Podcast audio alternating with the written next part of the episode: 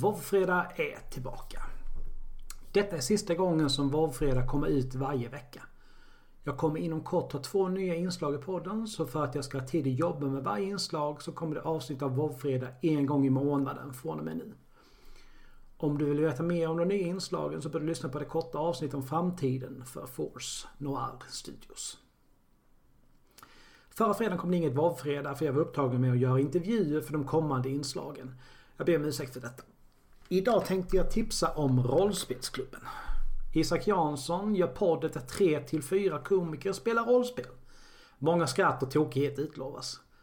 Sedan januari körs nu Rollspelsklubben dessutom exklusivt på Spotify.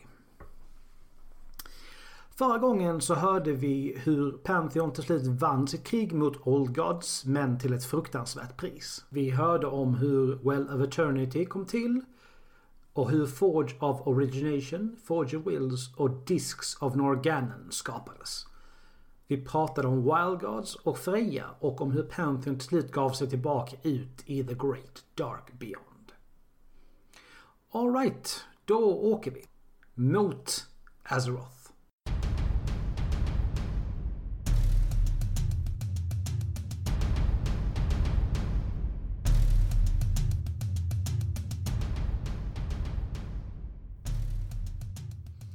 Efter att Pantheon lämnat Azeroth blomstrade livet och en mängd olika livsformer utvecklades snabbt.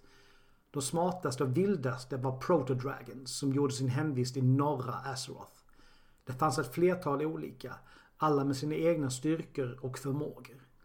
Vissa var gigantiska varelser med otrolig kraft och andra hade ovetande nyttjat världens arcane energier. Det fanns en Protodragon vars kraft och brutalitet överskuggade de andras. Han var Galakrond, den största protodragon som någonsin svävat i Azeroths himmel. Hans vingslag var så mäktiga att bergen skakade. Rå styrka var dock inte hans enda vapen. Han besatt en slughet som gjorde honom till en fenomenal jägare. Galakron drevs av en omättlig hunger som fick honom att sluka allt han såg. Hans kropp svällde till ännu större proportioner men inget kunde stilla hans hunger. Till slut började han jaga och sluka andra Protodragons. Till och med liken av de fallna. Genom att äta dött Protodragon-kött spred sig en fallenhet för necrotic magi i hans kropp. Dussintals ögon och lemmar sköt fram över hans kroppshydda. Death-energier sköljde ut från Galacrons kropp och reanimerade död materia. Energierna absorberades av Galacrons offer och de reste sig som sinneslösa abominations. Galacrons armé blev större och större. Snart dominerade de Azeroths himmel. De andra Protodragons kunde inte sätta upp ett enat försvar på grund av gamla dispyter och rivalitet. Tyr, den starkaste av Keepers, var den första att se faran som Galacron var. Han varnade de andra Keepers om vad han sett men han kunde inte motivera dem till handling. Keepers hade svurit att försvara världen men kriget mot Old Gods och skapandet av Forge of Wills och Origination hade lämnat dem med försvagad kraft och viljestyrka. De brydde sig mest om att underhålla sina valv och arcane-maskiner. Tyr lät sig inte avskräckas. Han visste att om Galacron lämnades i fred skulle han förtära all natur och sprida sin affliction över hela Azeroth. Tyr började leta efter ett sätt att förgöra Galacron och hans minioner. Tyr fann sitt svar i de fem mäktigaste och mest intelligenta Protodragons. Alexstrasza, Nautharion, Malagos, Ysera och Nosdormu. Dessa Protodragons hade alla unika krafter, till och med systrarna Alexstrasza och Ysera. Alexstrasza kunde sprita eld. Natharion hade otrolig fysisk styrka och hans rytande kunde splittra sten och ben. Malagos kunde andas is. Nosdormu attackerade sina fiender med stormar av sand. Yseras andningsattacker försvagade hennes fiender, dränerade deras viljestyrka och försatte dem i trans. Tyr sökte deras hjälp med att förgöra Galakrond. Initialt var de fem misstänksamma mot en varelse som närmade sig dem men snart svor att slåss vid hans sida. Tyr slogs tillsammans med de fem Protodragons men Galakrond visade sig vara för mäktig för honom. Vid en strid bet Galakrond av Tyrs hand. Tyr kom långt senare ersätta den med en ny hand i silver. Silverhanden symboliserade hans tro att endast genom personlig uppoffring kunde man nå bestående rättvisa. Striden utspelade sig över Kalendors snöiga berg i norr. Till en början verkade Galacron och hans odöda för mäktiga men snart fann Alexstrasza och hennes allierade Galacrons svaga punkter. Hans många ögon och mjuka buk. Genom att koordinera sina attacker och lita på varandra fällde de till slut den gigantiska Protodragonen. Kroppen föll till marken i vad som skulle komma bli känt som Dragonblight. De fem Protodragons hade vunnit trots alla odds genom samarbete och tillit till varandra. Något de sent skulle glömma. Under striden mot Galakrond vaknade de andra Keepers ur sin dvala. De insåg för sent vilket hot Galakrond verkligen var. Tyr övertygade de andra Keepers att ge de fem Protodragons en del av deras kraft. Endast Odin stod i opposition till Tyrs idé. Han erkände deras insats men ansåg inte att Asroths öde skulle placeras på deras axlar. Trots Odins protester skred de andra Keepers till verket. Nosdormu gavs kraften över tid och tidslinjerna och blev känd som The Timeless One. Hans färg skiftade till en skimrande brons med fjäll glittrande som guldfärgad sand. Alex Strasza gavs namnet Lifebinder och kommande över alla Protodragons. Som Dragon Queen värnar hon om allt liv. Hennes fjäll blev röda, symboliserandes livet självt. Ysera gavs inflytande över naturen. Hon vakade över naturen från Emerald Dream. Bunden till Emerald Dream blev hon känd som The Dreamer och när han tog en grön färg för sin koppling till naturen. Malagos gavs enorma magiska krafter och namnet Spellweaver. Han skulle utforska, försvara och dela med sig av magi och arcane. Han skiftade färg till en isblå nyans och hans fjäll glittrade med arcane energier. Natharion blev beskyddare av bergen och de djupa håligheterna i jorden. Hans stryktåliga skinn antog en svart färg.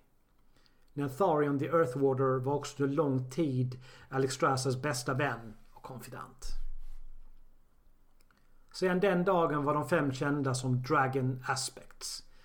Till sin hjälp fick de en helt ny ras skapad med de fem som förebild. Dragons. Denna nya ras tillsammans med tillhörande aspekt bildade en helt egen draklinje.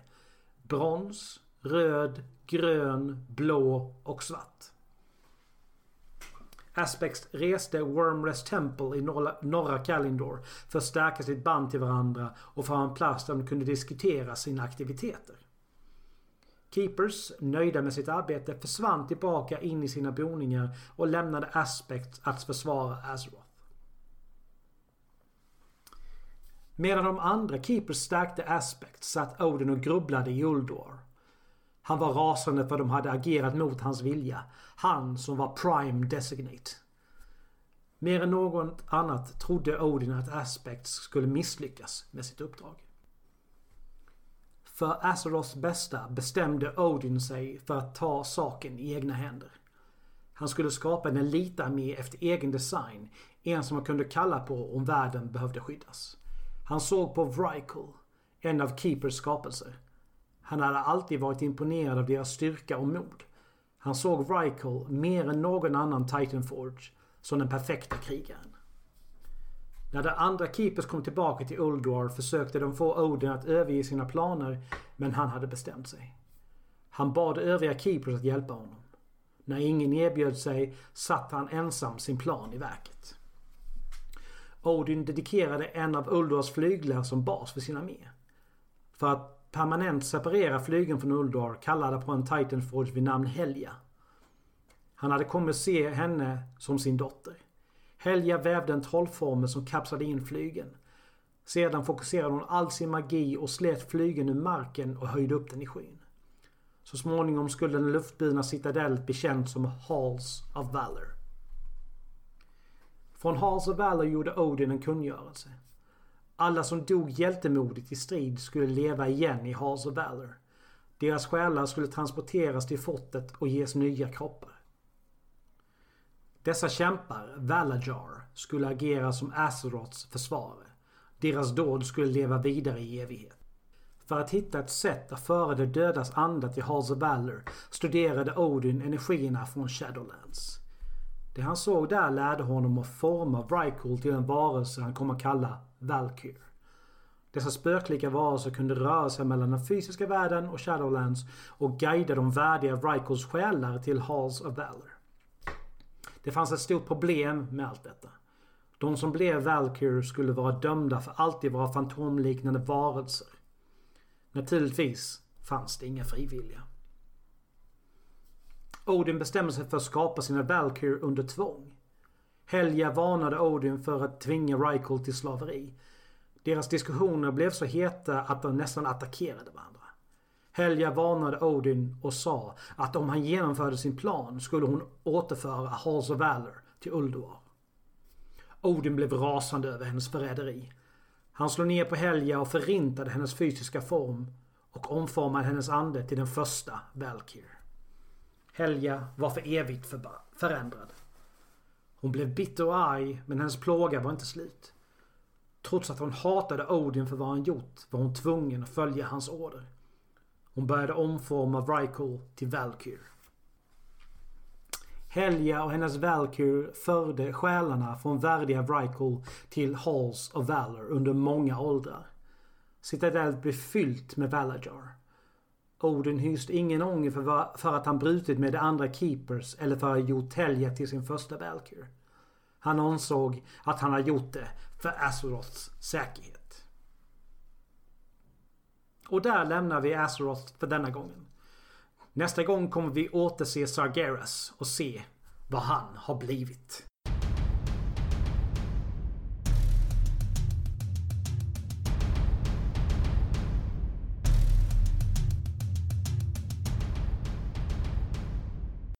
Tack för att du lyssnar på dagens avsnitt. Musiken är gjord av Kevin MacLeod. Ett stort tack till Daniel Gredenstedt för din hjälp. Vi hörs snart igen. Stay tuned.